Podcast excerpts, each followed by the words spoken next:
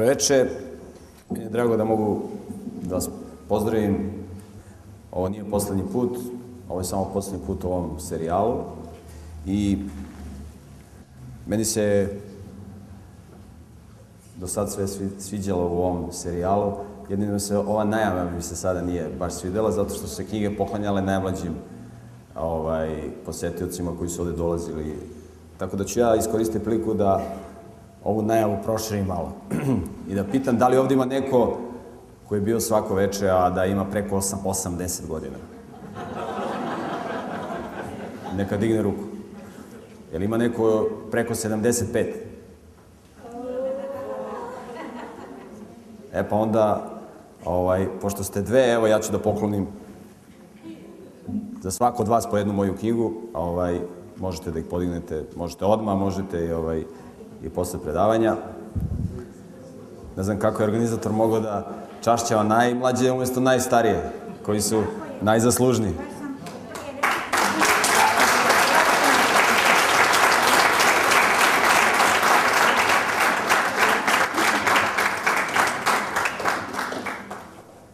Ovo ti je propust organizatora.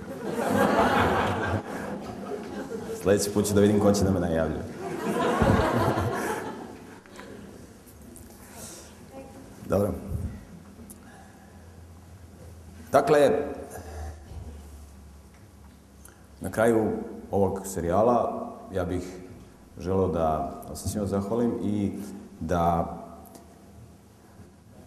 pokrenem jedno interesantno pitanje koje je vrlo kontraverzno i o kojem danas mnogi ljudi razmišljaju i postavljaju pitanje vezano za ovu temu.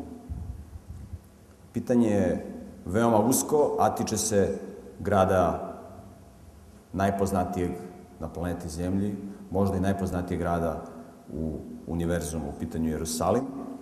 Grad koji je nazvan kao grad velikoga cara. Naime, na osnovu istorijskih izveštaja, na osnovu biblijskih tekstova, Jerusalim je grad najvećeg cara univerzuma, Jerusalim je grad tvorca univerzuma, cara nad carevima, gospodara nad gospodarima. I sa tim se slažu pripadnici svih monoteističkih religija.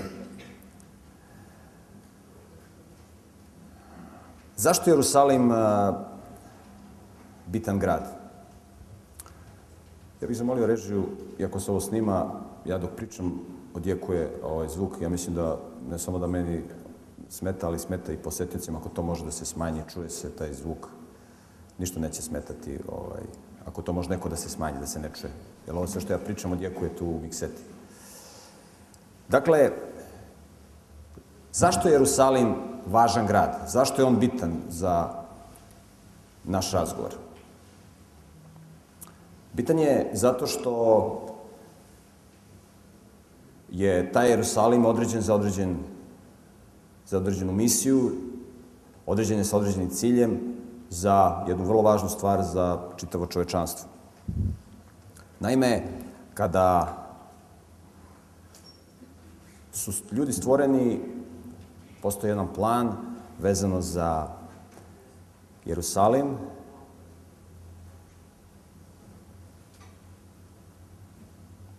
Postoje, dakle, plan za čoveka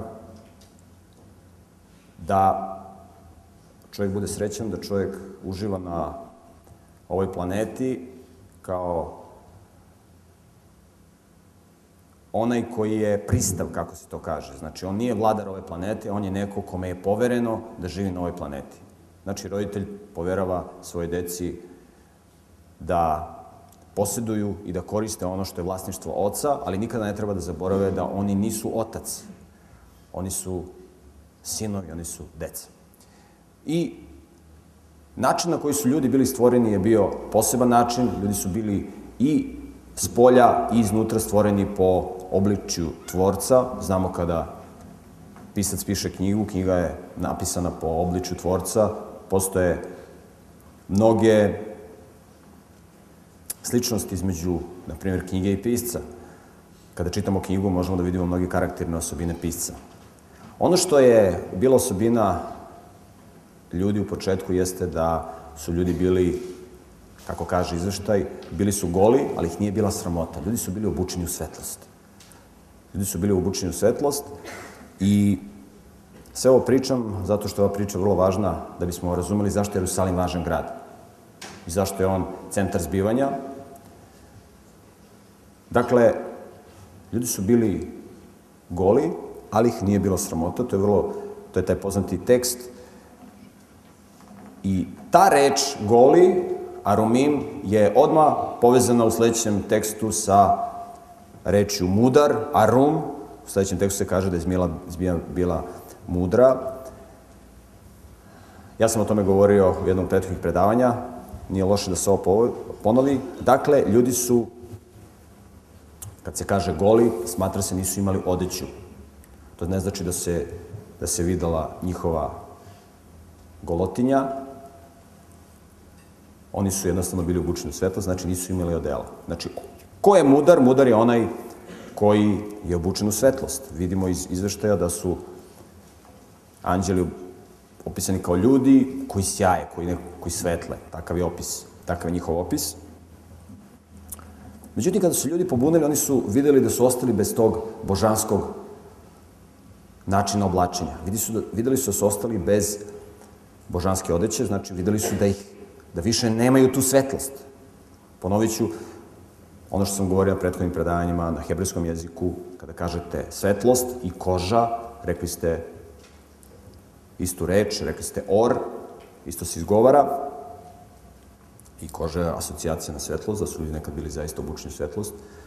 Hebrejski jezik je interesantan i važan zato što je na njemu pisano ovo otkrivenje tvorca. I sada ljudi prvi put, pošto su ostali goli, oni prvi put dobijaju odelo. I sam, samo ime za odelo, beged, je asocijacija na pobunu, zato što ista reč samo sa drugim samoglasnicima, ali isto se piše, u hebrejskom se samoglasnici ne pišu. Znači, bagad, pobunio se, beged i bagad se isto pišu, isti koren reči, ljudi su dobili prvi put odelo. Međutim, pogledajte šta je bilo njihovo odelo. Ljudi su dobili odelo od kože. Odakle koža? Koža je došla od životinje koju je Bog zaklao kao svedočanstvo i kao obećanje, jedno veliko obećanje koje je tvorac dao ljudima, a to je da kada su ljudi izabrali smrt, odmah je, odmah je tvorac rekao ljudima kako, koji je način da ljudi se vrate u život. Znači, tvorac je dao obećanje i rekao da će on lično u jednom istorijskom trenutku poprimiti ljudski oblik, odeći se svih atributa božanskih i položiti život, znači platiti otkup da ljudi imaju mogućnost da dobiju život, odnosno da nastave život, to je taj to je to takozvano novorođenje, dakle novi život čovjek može da dobije. I to obećanje koje je tvorac dao da će on ponovo doći na planetu Zemlju je manifestovano tako što je tvorac rekao ljudima da svaki put kada sagreše treba da prinesu žrtvu koja predstavlja simbol tog Mesije, tog spasitelja koji će doći i oni su to trebali da upražnjavaju, da nikada ne zaborave ovo obećanje, da postoji rešenje za problem smrti.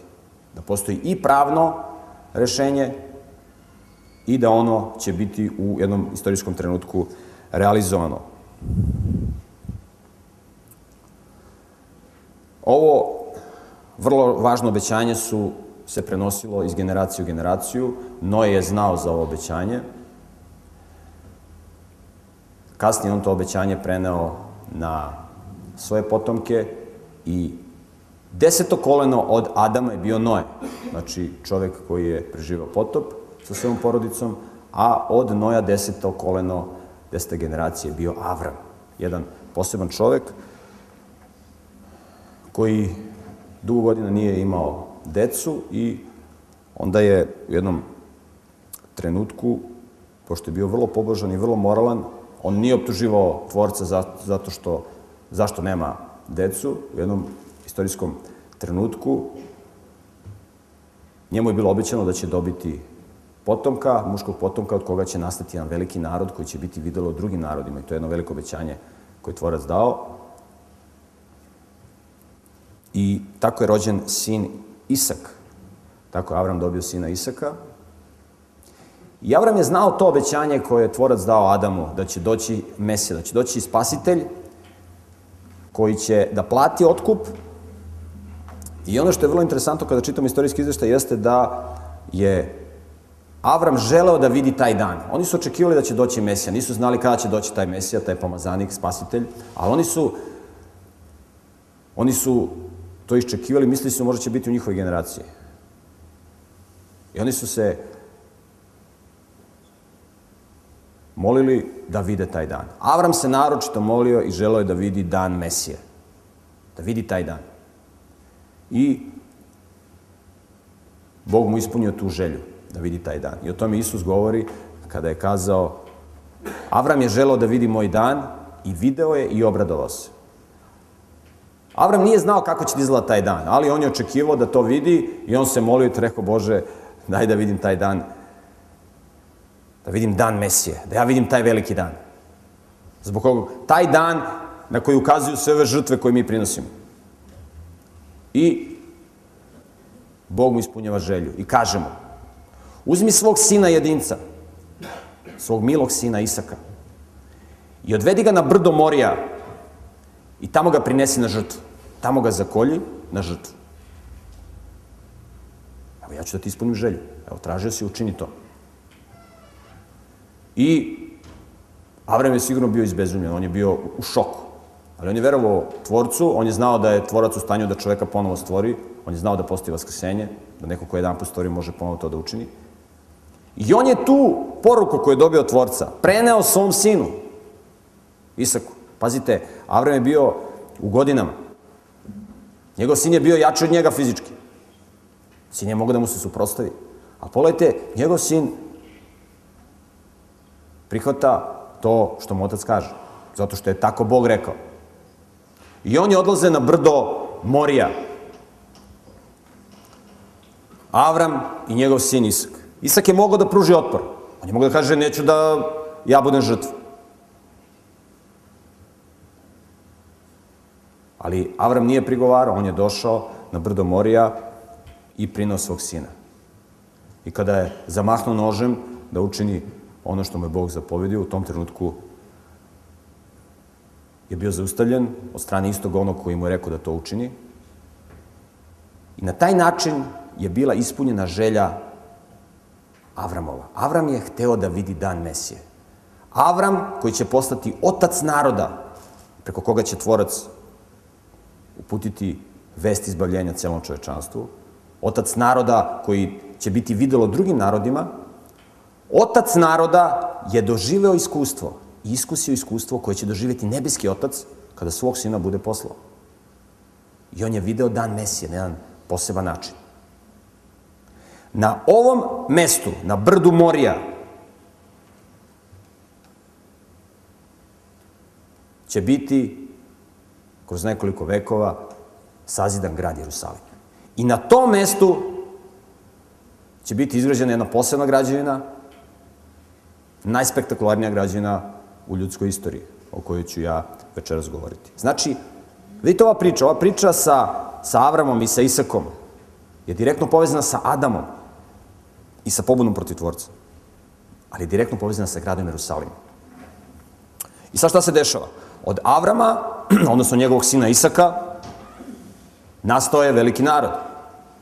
Isak je imao dva sina i od jednog njegovog sina je nastalo 12 sinova, od kojih je nastalo 12 plemena sinova Izraelivih. I vi ste imali priliku da slušate ona predavanja vezano za istorijat, šta se dešavalo. Isakov sin Jakov, kome je kasnije ime promenjeno u Izrael, je imao 12 sinova i znate tu priču. Njegov sin je bio, jedan od njegovih 12 sinova je bio prodat u roblje u Egipat. To je bio način kako je tvorac izbavio od velike gladi njegovu braću. On je postao velika, veliki čovek u Egiptu. I kasnije su, kasnije su se Izraeli, uh, Izraelici namnožili u Egiptu i desilo se ono što se desilo, desilo se veliko izbavljenje, izlazak iz Egipta, kada se razdvojilo Crveno more, kasnije su imali sva ona neverovatna iskustva sa tvorcem pod planom Sinaj i tako dalje. Ja sam o tome govorio, o tome imate na, na disku, na mojim prethodnim predavanjima koje sam držao u prethodnom serijalu, postoje video zapisi o tome. I sada treba da se realizuje taj projekat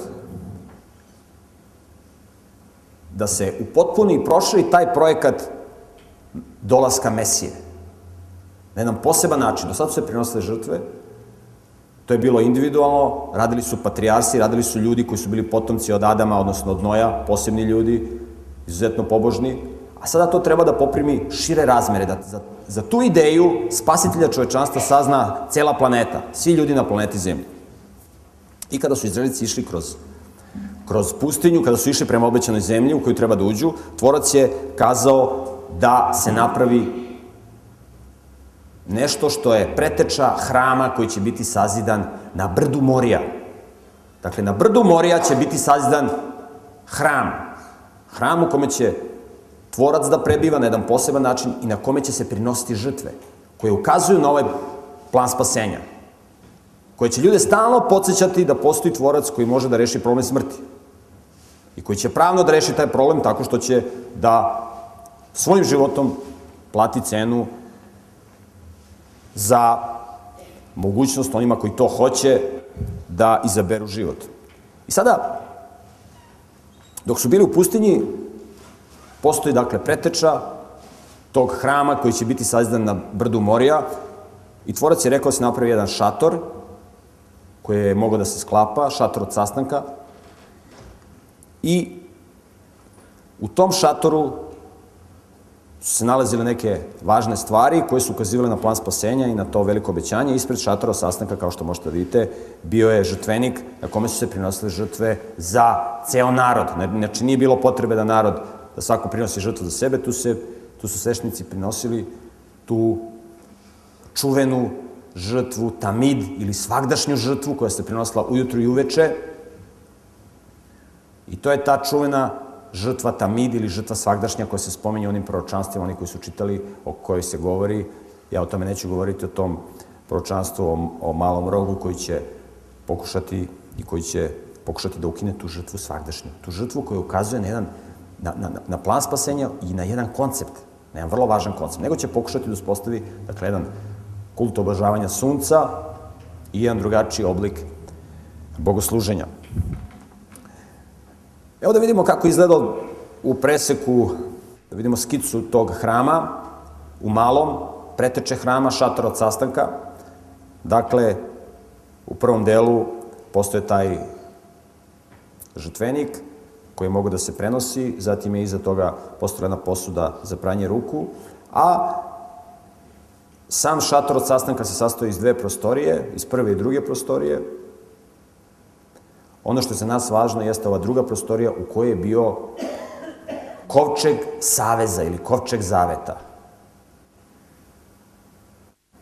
Dakle, postoje kovčeg u kome su bile zapisane reči saveza između jednog naroda i tvorca. Znači, oni su ušli u savez. Danas, kao što znate, formiraju se razni savezi. U ovom slučaju je uspostavljen savez između najjače sile univerzuma, između tvorca i jednog naroda. I postoje uslovi saveza. Znači, tvorac kaže, ja ću da vas štitim, niko vam ništa neće moći, vi ćete biti jedan poseban narod, carsko sveštenstvo, videlo svim drugim narodima za određenu misiju, da svi ljudi vide da ako vi živite u skladu sa načelima koje sam ja propisao, sa istim onim načelima koje sam dao Adamu, a on nije poslušao, niko vam ništa neće moći. Adam je mogao da živi bezbedno i bezbrižno, da je poslušao ono što mu je tvorac kazao. On nije poslušao, nastupilo je to što je nastupilo. Smrt i propadanje. Tvorac sada daje isto obećanje. Ulazimo ulazite u savez sa mnom, jel hoćete? Oni kažu hoćemo. E, ovo su uslovi saveza. Uslovi saveza, da bi nas tvorac štitio, da bismo mi bili zaista njegovoj strani, jesu dve ploče sa takozvanih deset zapovesti, znači tvorac od nas traži da mi živimo moralno. Ako živimo moralno, Ako se čuvamo, ako čuvamo ono što nam je povereno, i tvorac će da nas čuva. Znate tu izreku, ko se čuva i Boga čuva, je li tako? I u tom drugom odelenju ovog šatora nalazio se kovčeg, koji je bio posebno čuvan, niko nije smeo da uđe u to odelenje, osim prvosvešnik i to jedan put godišnje, na jedan poseban dan, ja sam njemu govorio, to je dan, dan očišćenja, Jom Kipur. I tu se nalazile ploče Saveza. Kasnije, kada su Izraelici došli u jevrijski narod kada je došao u obećanu zemlju, kada je formirana država Izrael, formiran je hram u koji je bio smešten ovaj kovčeg. Kovčeg Saveza. On je bio optočen od zlatom, a unutra su se nalazile, pored ploča Saveza, još dve vrlo važne stvari. Unutra, u kovčegu, pored ploča sa rečima Saveza, odnosno sa deset Božih zapovesti, nalazila se posuda sa manom. Izraelci su lutali kroz pustinju godinama, decenijama. I u tom periodu lutanja tvorac ih je hranio na jedan poseban način. Znači, oni su bili hranjeni na jedan poseban način. Manom, hranom sa neba, nebeskim hlebom, kako piše u izveštaju. I u kovčegu se čuvala jedna posuda sa manom koja nije propadala, koja se nije kvarila, na jedan poseban način. A takođe tu je bila i palica prvosveštenika, onoga koji je ulazio jednom godišnje u ovo odelenje gde su bile ploče Saveza. Naime, u jednom periodu došlo do pobune protiv prvosveštenika, jer taj prvosveštenik i ovaj kovčeg i ovaj hram su slika hrama na nebu. U izveštaju se kaže da na nebu takođe postoji hram, a ovo je slika tog hrama.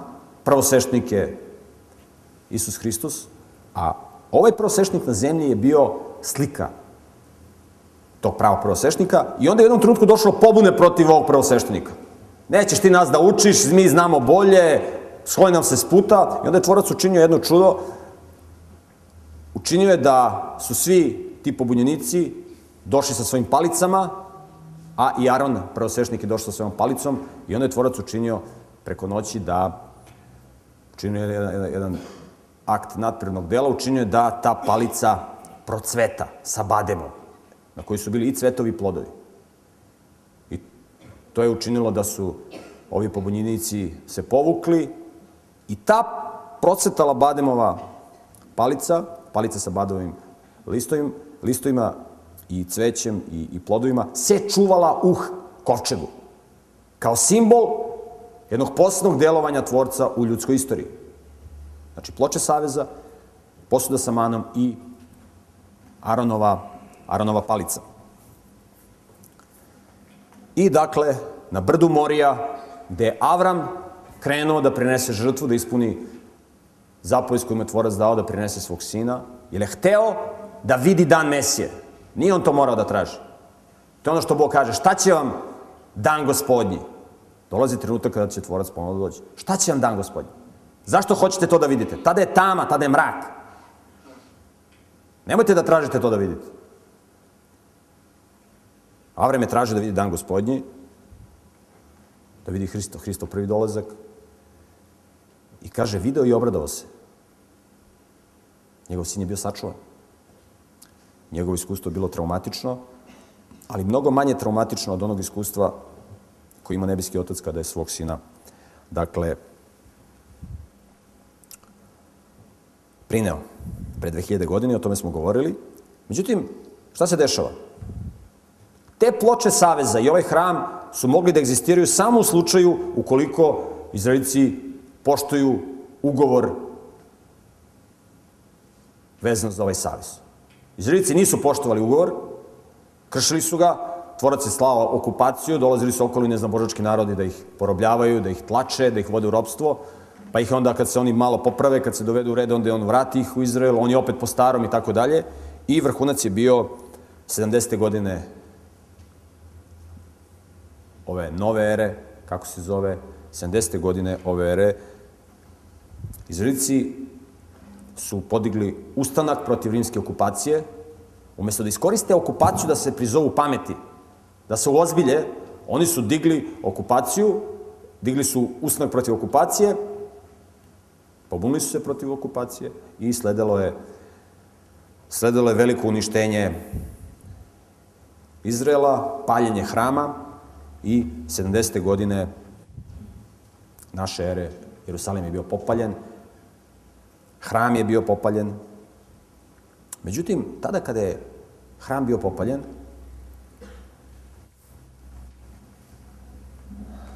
sedamdesete godine u tom hramu nije bilo kovčega sa, za, sa pločama zapovesti, sa pločama saveza. To je vrlo važno zapazimo. Te ploče saveza su bile sklonjene i taj kovčeg je bio sklonjen mnogo ranije. 70. godine naše ere je hram bio totalno razoren. Potpuno razoren. Međutim, pre toga, kada su se Izraelici bunili, kada su kršili moralna načela, kada su kršili stavke saveza i kada su kršili savez u koji su ušli sa tvorcem, došlo je do delimičnog uništenja hrama u vreme cara Sedekije. Dakle, 597. godine pre nove ere, ili pre Hrista, Izraelici su radili ružne stvari, hteli su da budu kao okolni neznabožački narodi, radili su razne gnusobe i tvorac je poslao šibu gneva Božjega, kako ga je nazvao, Vavilonskog cara Navuhodonosora, da popali Jerusalim. U stvari, on u početku nije hteo da ga popali. Tvorac je hteo samo pedagoški da deluje, da Izraelice odvede u Vavilon u robstvo, da se tamo prizovu pameti, da se nauče da slušaju i da ih onda posle vrati. Međutim, šta je rekao car Sedekija? Kaže, neću ja da, da idem u robstvo u, Vavilon. A Bog šalje svog proroka, proroka Jeremiju, koji dolazi kod cara Sedekije, izraelskog cara Sedekije. Kaže, vidi, dolazi car na Vuhodonosir sa svojim narodom, žestok narod. To su bile ubice, to su bile sileđe, to su bili krvoloci, to je strašno. Čuveni Navuhodonosor. Kaže, dolazi Navuhodonosor. Predaj se caru Navuhodonosoru, ti i tvoji ljudi i ovaj narod koga si zaveo da čini sve to što radi i sačuvat ćete duše svoje. Neću da se predam Navuhodonosoru. Neću da idem u robstvo. Bog ti kaže da ideš u robstvo da se prizoveš pameti. Neću da idem u robstvo. Nećeš, dobro. Onda ćete jako loše da prođete. I Navuhodonosor dolazi, pali Jerusalim i pljačka hram. Odnosi svo posuđe iz hrama, međutim, prorok Jeremija je pre toga sklonio ploče sklonio kovčeg sa zapovestima i sa svim inventarom koji se u njemu nalazi, a car Sedeke je jako loše prošao. Vavilonski car Navuhodonosor mu je prvo pobio sinove na njegove oči, a onda mu iskopao oči i slepo ga odveo u Vavilon. I tamo je on i umro. Međutim, hram je bio samo delimično razoren. To je bilo 597. godine 597. godine pre naše ere, hram je bio razoren samo delimično i ono što je bitno, hram tada u sebi više nije imao zakon. Hram je ostao bez ploča zakona, bez ploča saveza, a 70. godine naše ere hram je bio de definitivno razoren. Uništen, spaljen. Ovo je bilo delimično uništenje hrama, a ovo je bilo definitivno uništenje hrama. Dakle, tvorac je hteo, ovaj hram koji je bio opljačkan 597. godine pre naše ere od strane Vavilonskog cara Navuhodonosora, on je kasnije za vreme Jezdri Nemine, znači Izraelici su bili u Vavilonu, oni su tamo bili robovi, onda kada je Vavilonska imperija propala, došli su Asirci i onda je Asirski car dozvolio, Artaxerxes, dozvolio je jevrejima da se vrati u Izrael, da se vrati u Jerusalim i da obnove hram. Hram je bio delimično razoren, ali hram nije imao zakon. Od kad je Vavilonski car opljačkao hram, Od kada je on upao Jerusalim, od kada je porobio cara Sedekiju, od onda hram više nema ploče zakona. Nema ploče saveze tamo. Prorok Jeremija je to sklonio. I sada ono što je vrlo interesantno ovde, pogledajte, ja sam o tome govorio. Mi smo stvoreni da budemo hram. Hram je mesto, hram ili Bejta Migdaš, kuća sveta u originalu. Sveta kuća. Kako kuća može da bude sveta? Može da bude sveta ako u njoj prebiva tvorac. Jer jedino je on svet. Tamo gde je tvorac prisutan, to može biti sveto. Znači, kako mi možemo da budemo sveti? Ako tvorac u nama prebiva svojim duhom. Mi nismo samo fizička bića, mi imamo i duhovni aspekt. Tvorac prebiva u nama svojim duhom, onda mi imamo kategoriju svetosti. Ali tvorac neće da prebiva tamo gde je prljavština, tamo gde je nered. Zato mi treba da se dovodimo u red, treba da izgrađujemo svoj karakter, da bismo bili sveti, da bi tvorac mogu u nama da prebiva. Hram je slika čovekovog bića. U srcu hrama, u svetinji na svetinjama su se nalazile ploče zakona. Zakon se nalazio u srcu hrama. Tvorac kaže, ove zapovesti koje ti ja zapovedam, zapiši ih na srcu svom. Neka te budu pred očima stalno. Veži ih sebi za ruku. Razmišljaj o njima. To su ploče saveza. To je grana na kojoj sediš. Nemoj da ocecaš granu na kojoj sediš. Sad pazite. Hram je 597. godine bio bez zakona. Ostoje bez zakona. Bog je preklinjao Izraelice, molio ih da se vrate. Oni su odbijali da se vrate, da prihvate uslove saveza. Oni su dizali ustanak, revoluciju protiv okupatora, umesto da okupacija ih podstakne da se prizovu pameti. Koliko je dugo hram bio bez zakona? Hram je bio bez zakona tačno 666 godina. Znači, od 597. godine na jesen do 70. godine na jesen proteklo je 666 godina. Dakle, ovde nemamo punu godinu 597. kao što nemamo ni punu 70. godinu, zato imamo tačno 666 godina. I tu dolazimo do jednog vrlo interesantnog broja, dakle, to je taj čuveni broj 666 o kojima mnogi ljudi razmišljaju. Ovo je jedna interpretacija tog broja. Pogledajte šta predstavlja broj 666. Ovo je jedna interpretacija, postoji neke druge. Ja o njima neću govoriti. Broj 666 je tip ili simbol čoveka koji je odbacio moralna načela, koji je izbacio zakon iz svoga srca, kome se crvena lampica ugasila, lampica savesti. Hram koji nema zakon, koji ima karakteristiku 666, šta se sa, njima deš, sa njim dešava? Takav hram biva uništen. Znači, 666 je simbol hrama bez zakona. Čovek je najveći hram i najvažniji hram u univerzumu. Hram koji je stvoren od strane tvorca, da tvorac u njemu prebiva. To je najvažniji hram, čovek.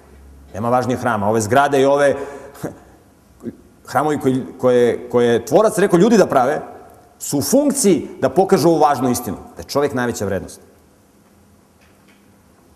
I danas ako odete u Izrael, vidjet ćete brdo hrama, brdo Morija, brdo gde je Avram prineo svog sina, ali tamo nema hrama. Tamo se nalaze dve džamije, postoje samo temelji tog hrama, koji su kasnije nešto rekonstruisani, ali hrama nema, tu postoje dve džamije, ova džamija sa zlatnom kupolom i sa leve strane možete da vidite jednu od najvećih muslimanskih svetinja, džamiju El Aksu.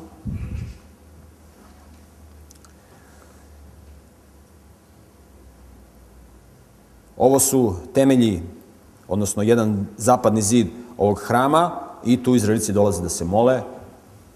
To je taj takozvani zapadni zid ili zid plača. Oni tu dolaze da se mole. Tu su razdvojeni muškarci od žena. Oni se mole i traže da Bog spasi Izrael, da se Bog vrati kao što, kao što je bio prisutan u Izraelu u vreme Mojsija, Isusa Navine i tako dalje. A evo da vidite kako izgleda to brdo hrama. Znači, na brdu se nalazio hram. Ovde vidite samo taj donji deo hrama, taj, tu platformu gde se hram nalazio. Te, sad je ostala samo ta platforma, a na platformi se nalaze dve džamije. Hrama nema, hram je uništen. Međutim, ono što je vrlo interesantno jeste da taj hram koji je tu zidan na brdu Morija, znači ne šator od sastaka koji je bio prenosan kroz pustinju, nego hram koji je zidan, on je zidan od strane cara Solomona. I car Solomon kada je zidao hram, on je napravio jedan veliki sistem tunela ispod hrama. I ispod hrama se ne zna koliko ima tunela, ima ih jako puno. Ne postoji skica tih tunela. Jerusalim je do skora bio pod kontrolom zastupnika koncepta islama. Relativno skoro je on došao u ruke Izraelaca, a i kada je došao, na brdu hrama se nalaze dve velike muslimanske svetinje, tako da postoji veliki problem vezan za istraživanje tih tunela, koliko ih ima, šta ima u njima i tako dalje. I to je ono veliko pitanje koje se postavlja, gde je kovčeg sa zapovestima? Gde se on nalazi? Šta se sa njim desilo? Da li će on jednog dana biti otkriven?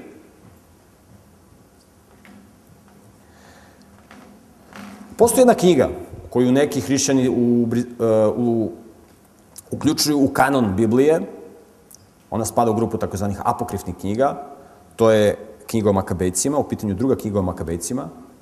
Ja smatram da je to jedan solidan istorijski izvor informacija. Ona nije ušla u kanon, ona se ne smatra kao direktno Božje otkrivenje. Ali u toj knjizi, drugoj knjizi Makabejcima, postoji prva i druga, postoji jedan vrlo, vrlo interesantan istorijski izveštaj na koji bi trebali da obratimo plaž, pa, pažnju. Naime, tekst kaže, druga knjiga Makabejcima, drugo poglede, četvrtog do osmog stiha. Prorok, prorok Jeremija, to je onaj što je kovčeg sklanjao za vreme napada cara Adama Hlodonosora.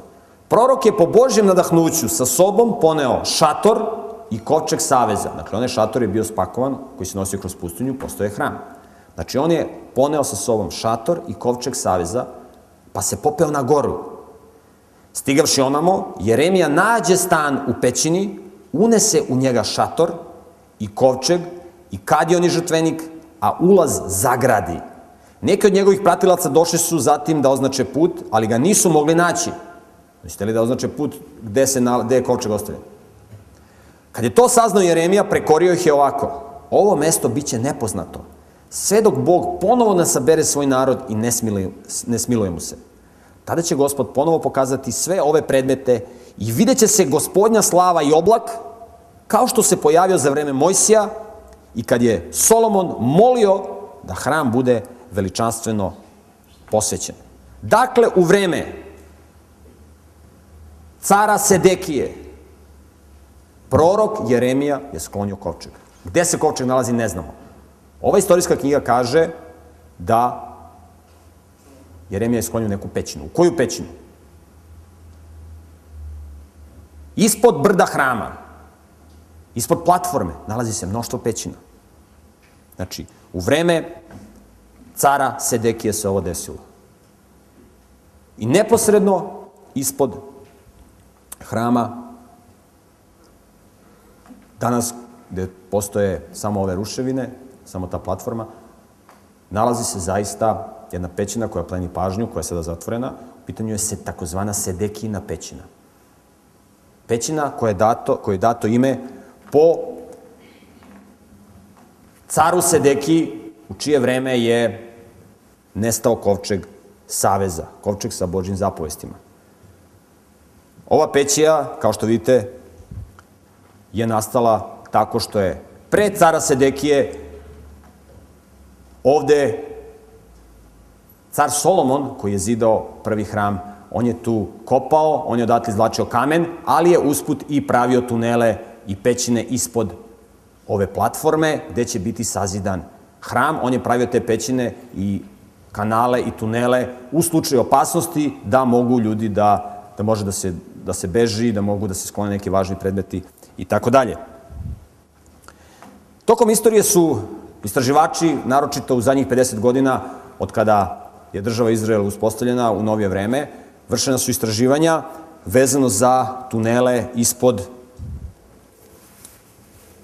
brda hrama. Ovde na ovom slajdu možete da vidite sa leve strane je prikaz starog grada, starog grada Jerusalima. Stari grad je podeljen u četiri četvrti, a ovde, kao što vidite, je platforma gde se nekada nalazio hram. Evo je ta platforma, tu je sada džamija sa zlatnom kupolom i ovo je, posle Meke i Medine, najveća muslimanska svetinja, džamija El Aksa. E sad vidite, ovde uz ovaj zapadni zid, ovde se Izraelici danas mole, ovde uz ovaj zapadni zid, tu ispod se nalazi jedan tunel. Nazvan je takozvanim imenom, nazvan je Rabinski tunel. Evo da vidite kako to izgleda. Ovo je džamija El Aksa i odavde pa na levo je platforma gde se nalazio nekada Solomonov hram. Evo da vidite taj deo. To je taj deo. Znači, džamija El Aksa je ode sa desne strane. Tu je džamija sa zlatnom kupolom. Evo ga zapadni zid. Tu gde se Izraelici mole. Evo da vidite kako izgleda slika ispred tog zida plača. Tu su ti kameni blokovi od kojih je zidan. Evo da vidite, to je dakle zid, plača, zapadni zid, tu Izraelici se mole, u ove šupljine ubacuju ceduljice sa svojim molitvama. Iz celog sveta postoje Izraelici koji žive tamo, ne znam, u Americi, u Holandiji, oni imaju svog čoveka u Jerusalimu i onda oni njemu šalju poštom ceduljicu sa svojom molitvom i kažu molim te idi tamo i oni ga plaćaju i onda on s vremena vreme kada on pošalje, on dođe i tu ceduljicu ubaci u neku šupljinu i ovo je prepuno tih malih ceduljica, ovaj, ovaj zid, koliko može da se dohvati. Oni se tu mole i mole se da Bog ponovo bude prisutan na poznat način iz istorije u Izraelu. Tu da ja sedim, odnosno da stojim, ispod mene je na prethodnom slajdu, dakle, ispod tog mesta gde sam ja stajao nalazi se taj rabinski tunel. On je jedno vreme bio otvoren za posetioce, evo da možete da vidite. To je jedan od tih tunela prolaza koji postoje ispod Jerusa, ispod ove platforme na brdu Morija. E sada, ono što je za nas interesantno jeste, i ono što privlači najveću pažnju, jeste ova Sedekina pećina. Znači, pećina koja je dobila ime po caru Izraela, koji, u čije vreme je nestao kovčeg sa zapovestima. Dakle, ovo što vidite su zidine starog grada Jerusalima. Tu se dešavale glavne stvari u istoriji. Ovde je, ovo je mesto gde se nalazio nekada hram, Ovde je ovaj rabinski tunel. Tu je zapadni zid, gde se ljudi mole. Tu sa zapadne strane. A ova gornja strelica koju vidite, tu je ulaz u Sedekinu pećinu. Evo da vidite kako izgleda karta tog dela starog grada na osnovu skice iz perioda vladavine cara Heroda. Dakle, Ovde je taj zid označen ovom lilavom bojom starog grada Jerusalima, a ovo što vidite crno zaokruženo, to je ta Sedekina pećina, kao što ovde piše, vidite ispod. Tu se dakle nalazi ta Sedekina pećina. Ovo je skica te pećine, ona je dugačka 220 metara prema procenama, međutim, ona nije istražena. Istražen je, je nekih 112 metara. I dakle, To je ta pećina, to je ulaz u pećinu, ona je zatvorena.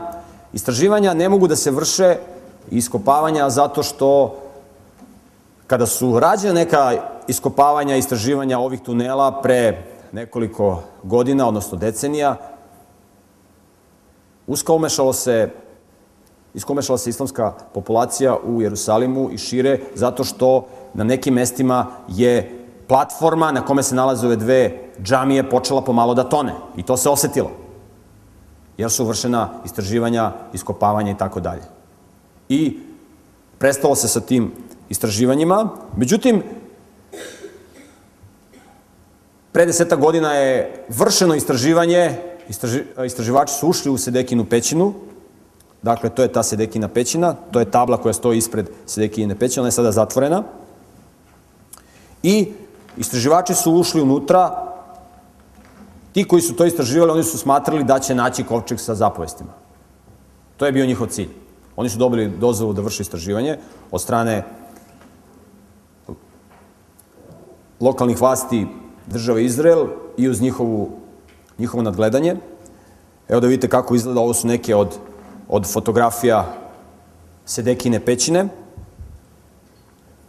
I istraživači su ovde vršili istraživanje i na jednom zidu, pošto tamo u onom tekstu u drugoj knjizi o Makabecima kaže da je prorok Jeremija zazidao, zagradio mesto gde je sklonio kovčeg. I istraživači su na jednom zidu pronašli ovu kamenu ploču, koja se danas čuva u muzeju u Londonu. Ovo je rekonstrukcija te slike koja se nalazi na ploči i oni pretpostavljaju da je ovo slika Herovima, zato što na poklopcu kovčega se nalaze dva Herovima sa rašenim krilima koji čuvaju ploče Saveza. Oni su slika pravih Herovima, pravih Herovima, pravih anđela koji čuvaju ploče Saveza u pravom hramu, kako piše u otkrivenju, biblijskom otkrivenju na nebu. A ovo je kopija, ovo je slika, ovo je tip originala, ovo je tip, kopija.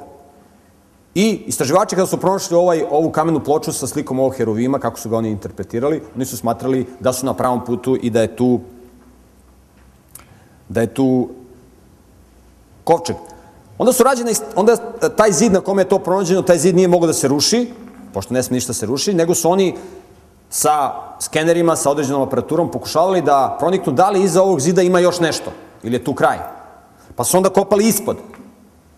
Hteli su da dođu ispod zida. Onda su tamo, kada su kopali ispod, onda su videli da postoji još jedna platforma ispod. Jedan novi sistem tunela. I rađena su istraživanja, iskopali nekih, nekih 112 metara, pronađeni su brojni kanali, ali Tu se istraživanje zaustavilo i čeka neku drugu priliku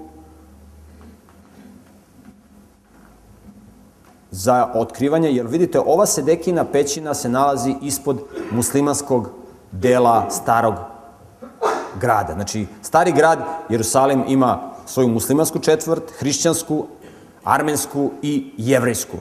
Sedekina pećina se nalazi ispod muslimanske četvrti.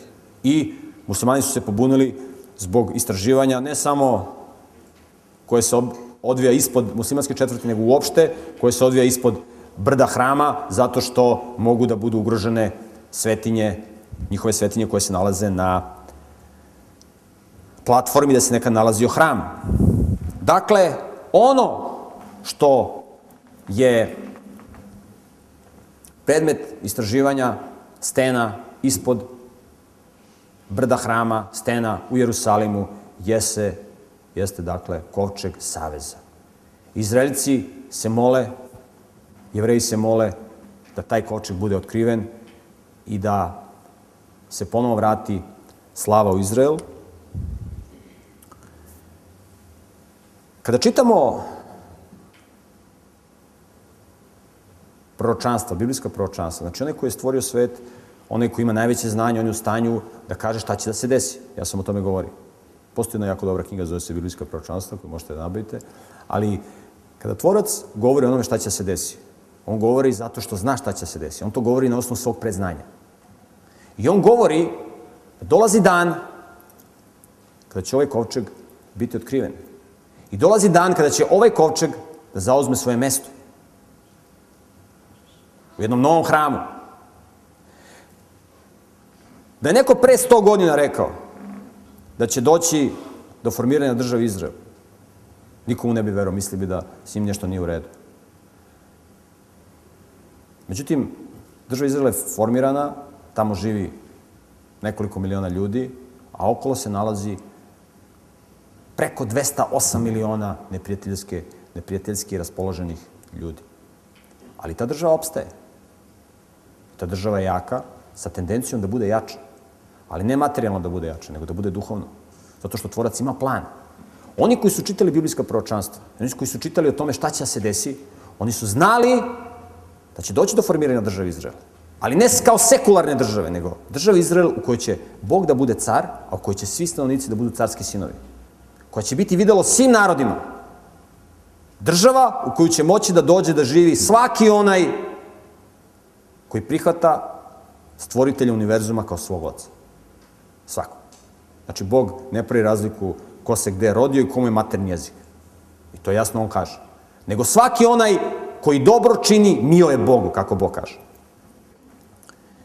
I na osnovu onoga, mi smo se bavili onim što se danas dešava u prethodnim predavanja, bavili smo se onim što se i u prošlosti dešavalo. Ali evo možemo da kažemo nekoliko reči vezano za Jerusalim, za grad velikoga cara, za grad najvećega cara, onog cara koji je napravio one stene i u njima ostavio svoj pečat, to su te carske stene, granit, koje niko ne može napraviti, u kojima se nalazi pečat, u kojima on pokazao da je on stvoritelj i da je on stvorio planetu u skladu sa onim kako piše u otkrivenju za kratko vreme. Ja sam o tome govorio u predavanju Pečat carskih stena, koje možete da pogledate.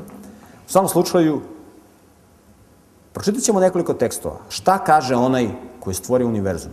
Vezano za Jerusalim. Vezano za Izrael.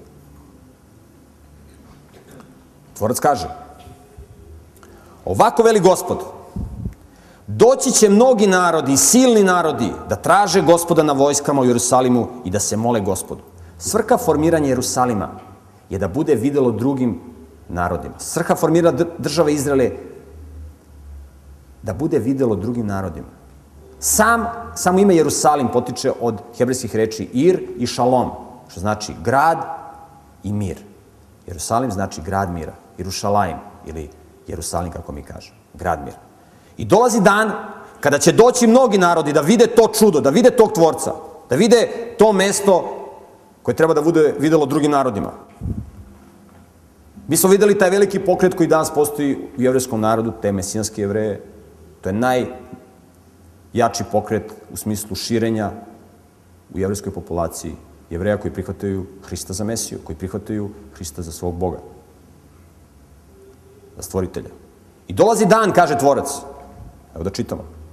Ovako veli gospod, u to će vreme, on govori o budućem događaju, deset ljudi od svih jezika narodnih uhvatiti jednog jevrejna za skut, govoreći, idemo s vama jer čujemo da je s vama Bog. Dolazi dan kada će najomraženiji narod na planeti Zemlji biti videlo drugim narodima. To je veliko proročanstvo. Nije dobro danas i nije popularno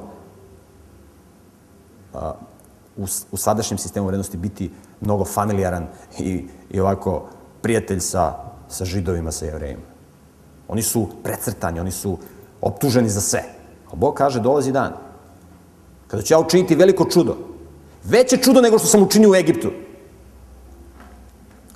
U stara vremena, kada su Izraelci bili robovi, kada su bili gaženi u Egiptu, Bog je učinio tako velika čuda sa ovim narodom. Da su svi narodi na planeti Zemlji znali šta se desilo, kakvo je čudo Bog učinio. Ne samo da su znali političari i ljudi obični, nego su znali najnemoralniji ljudi. Kada su Izraelici ulazili u obećanu zemlju, imamo tekst, kada su ulazili, kada su osvajali grad Jerihon u obećanoj zemlji, koji je bio leglo nemorala, čak su i bludnice znale, prostitutke su znale za te događaje koje tvorac učinio.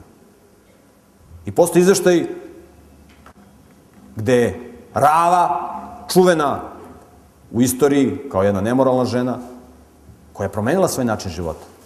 Ona je znala, ona koja se bavila nekim drugim stvarima koje nije interesuo Bog i moral i te stvari, ona je znala šta je Bog učinio u ono vreme kad izvodi Izraelici iz Egipta. I ona kaže, znam, Ona kaže i jevrejima, koji su došli da špioniraju i da uhode Jerusal, ovaj, Jerihon, koji treba da zauzme. Znam, kaže ona, da vam je gospod dao ovu zemlju, jer nas popade strah od vas.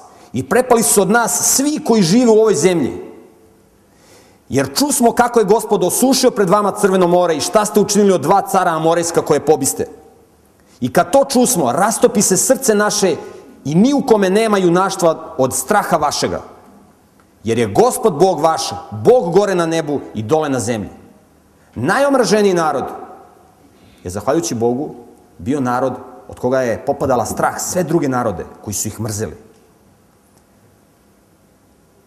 Dolazi dan kada će se desiti nešto slično, ali u mnogo većoj razmeri. Ovo nije popularno. Naši sistem vrednosti govori nešto totalno drugačije. A pogledajte šta Bog kaže. Desit će se nešto mnogo veće od onoga što se desilo prilikom izlaska Izraelica iz Egipta.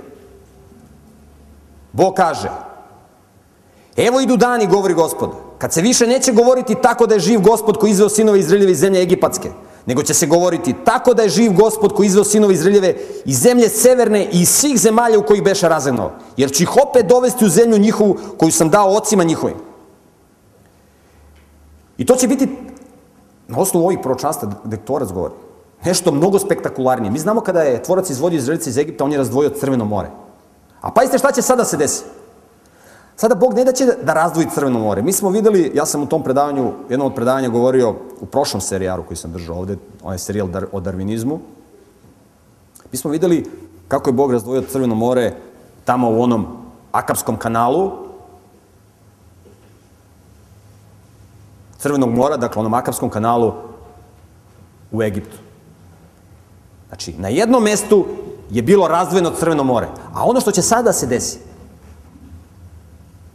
ne da će Crveno more da bude na Akapskom kanalu razdvojeno, nego će ceo zaliv da bude presušen.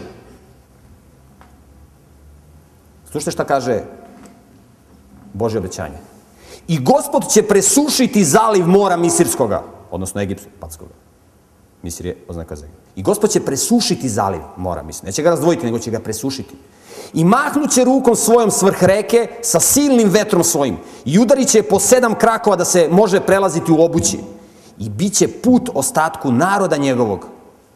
Kao što je bio Izraelju kad izađe iz zemlje Misirske. Ima da isuši ceo zaliv, ne samo na jednom mestu. Mi smo videli da je na tom mestu gde se razdvojilo Crno more, otprilike visina vodenog stuba bila nekako oko 80 metara. Ovde će da se isuši ceo zaliv.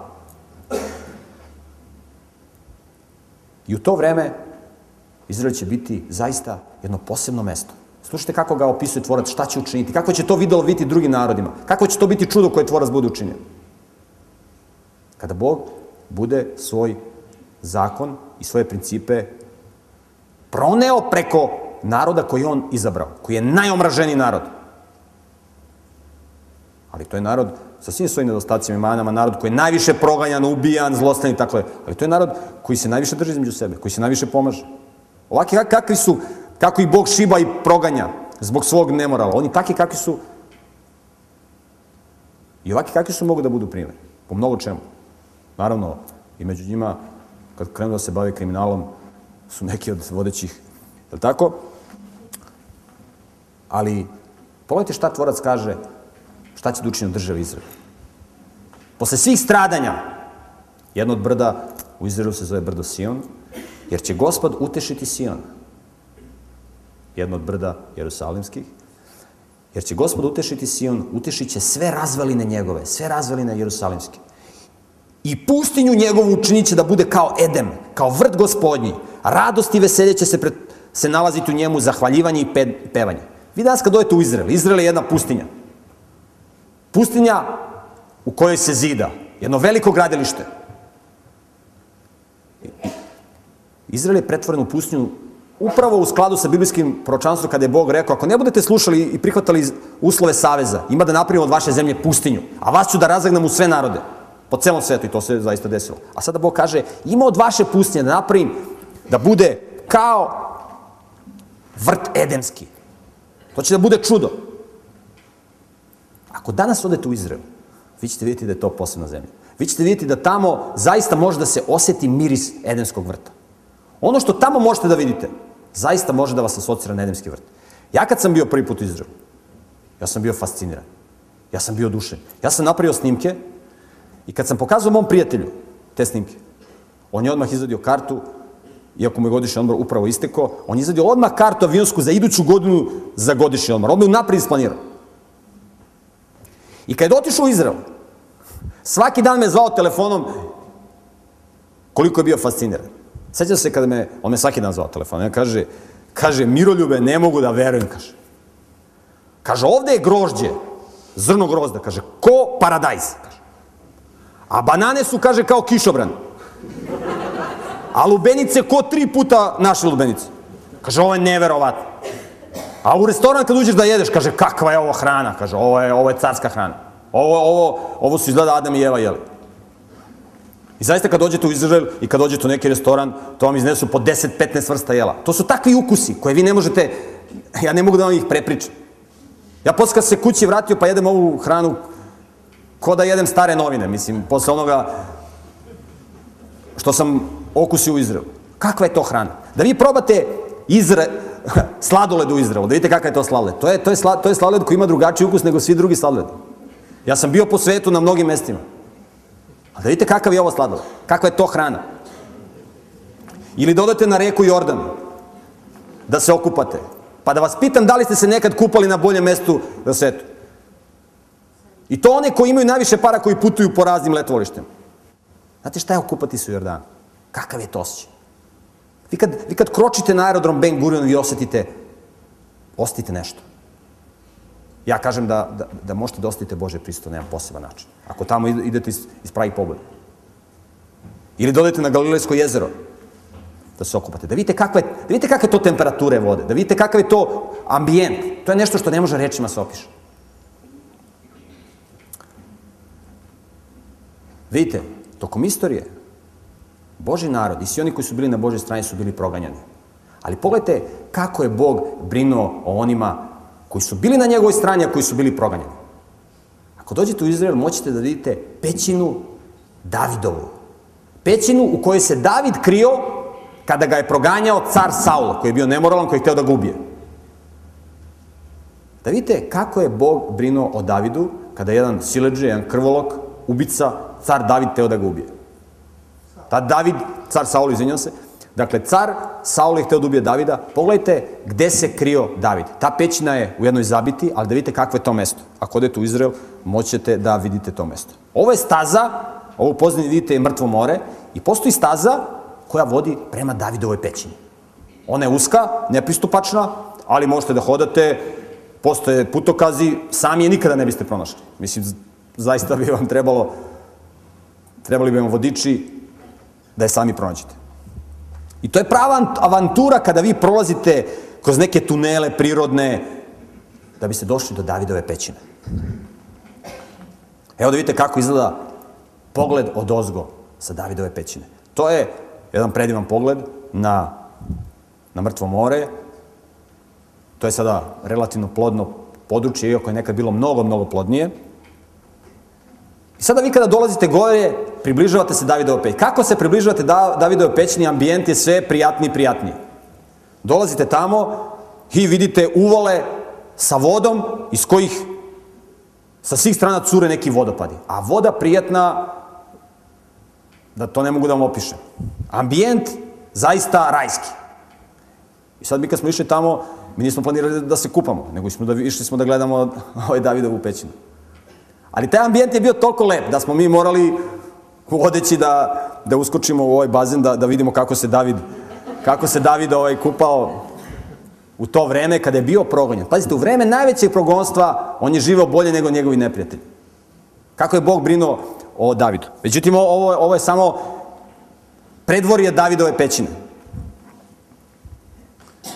Ulaz u Davidovu pećinu je maskiran, znači ne možete tek tako da, da, ga, da ga otkrijete. I ovo je ulaz u Davidovu pećinu. Ulaz je nepristupačan, morate da budete malo ovako vešti, da se krećete po kamenju. Za turiste napravljene su ove ručke koje možete da vidite, tako da možete da se držite za njih i da se bezbednije spustite u Davidovu pećinu. Davidova pećina je, ima sve uslove i koji ima najbolji apartman i mnogo, mnogo više.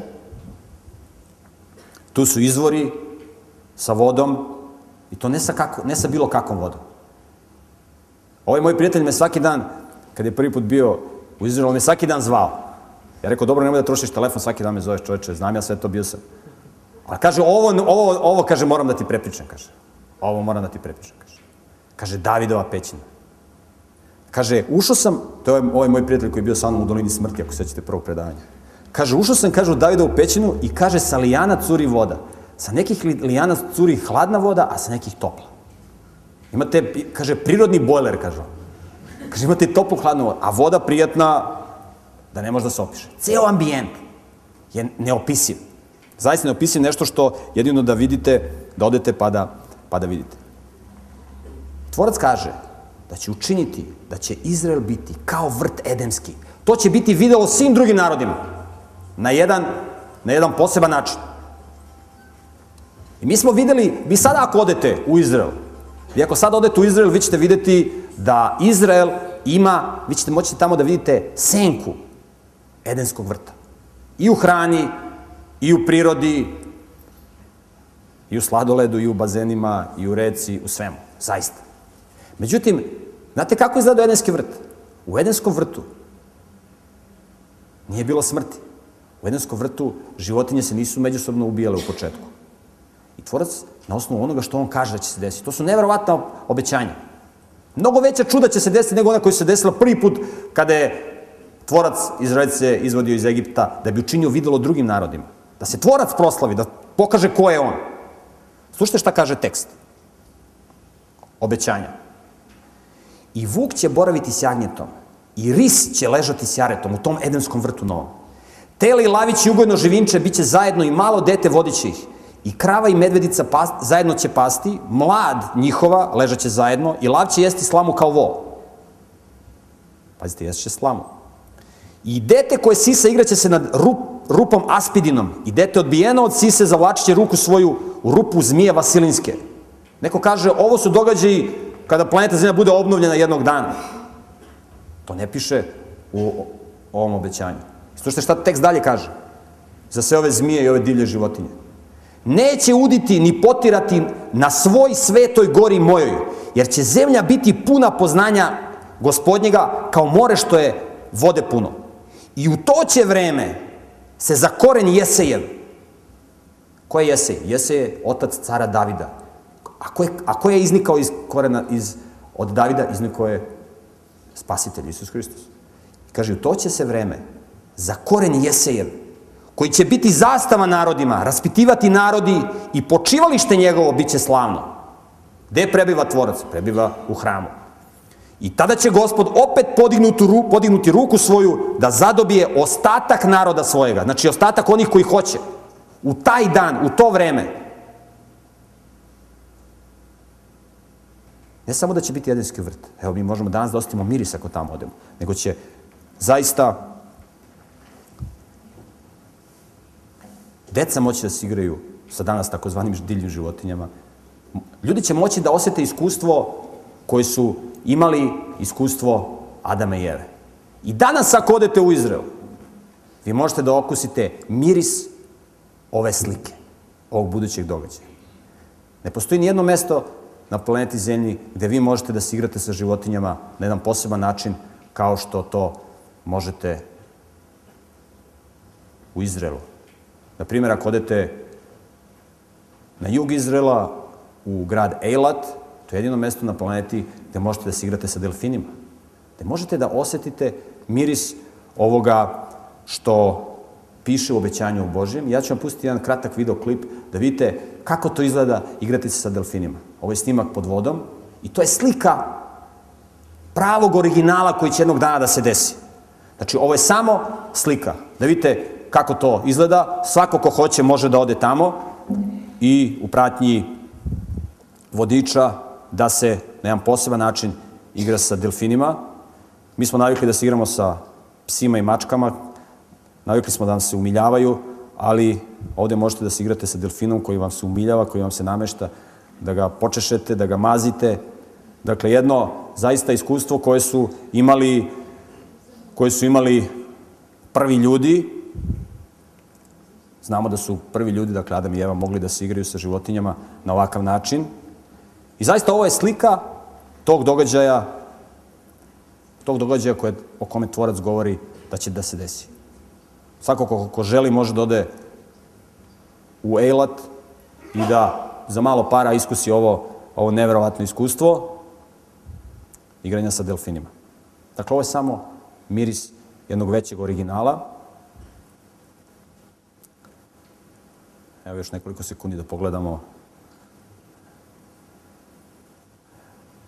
ovu igru sa delfinima. Tako da ako planirate da idete negde na odmor, ja vam preporučujem da odete da osetite miris Edenskog vrta.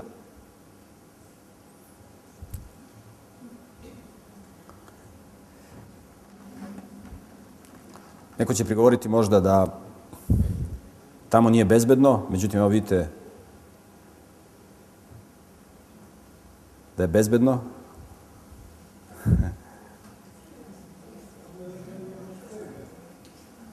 ono što je vrlo interesantno jeste da, ono što ja mogu da vam kažem, to je da je Izrael mnogo bezbednije mesto danas nego grad Zagreb ili Beograd ili Sarajevo. Tamo živi veliki procenat religioznih ljudi koji prihvataju neka moralna načela, neka tradicionalna moralna načela.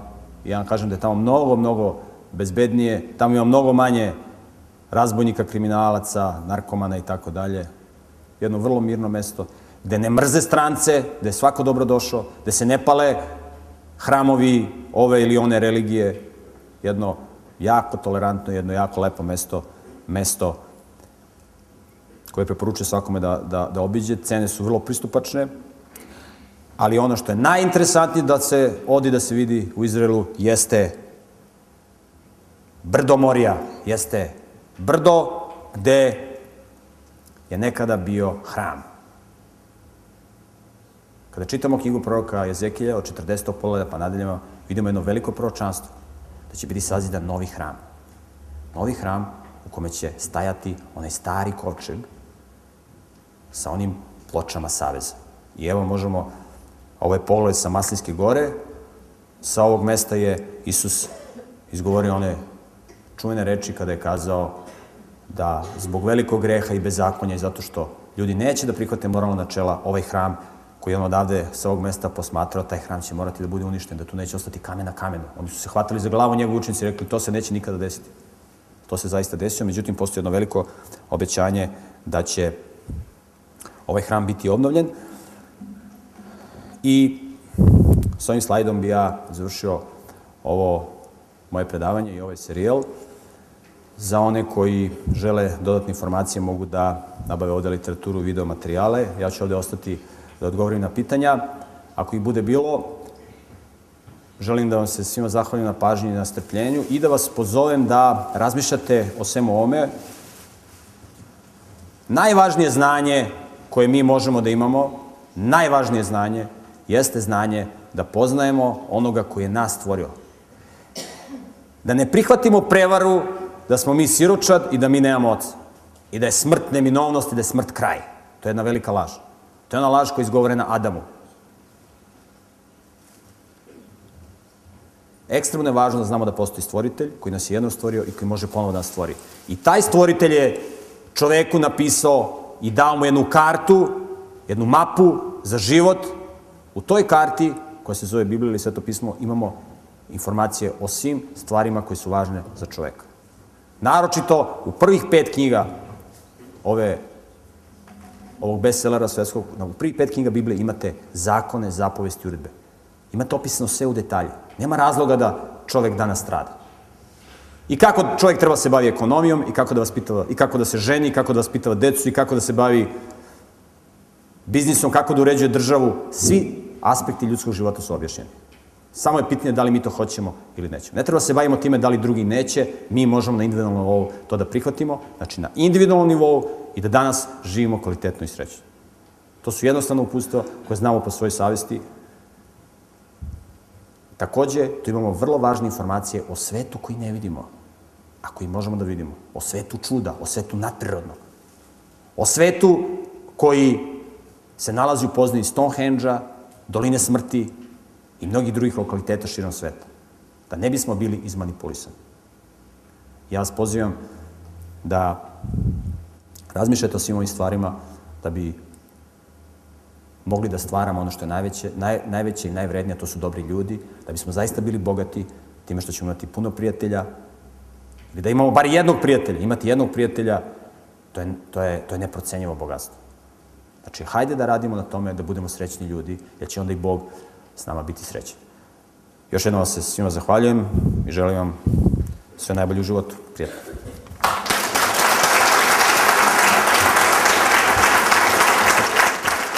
Čekaj, samo da vam... Ajde, nešto.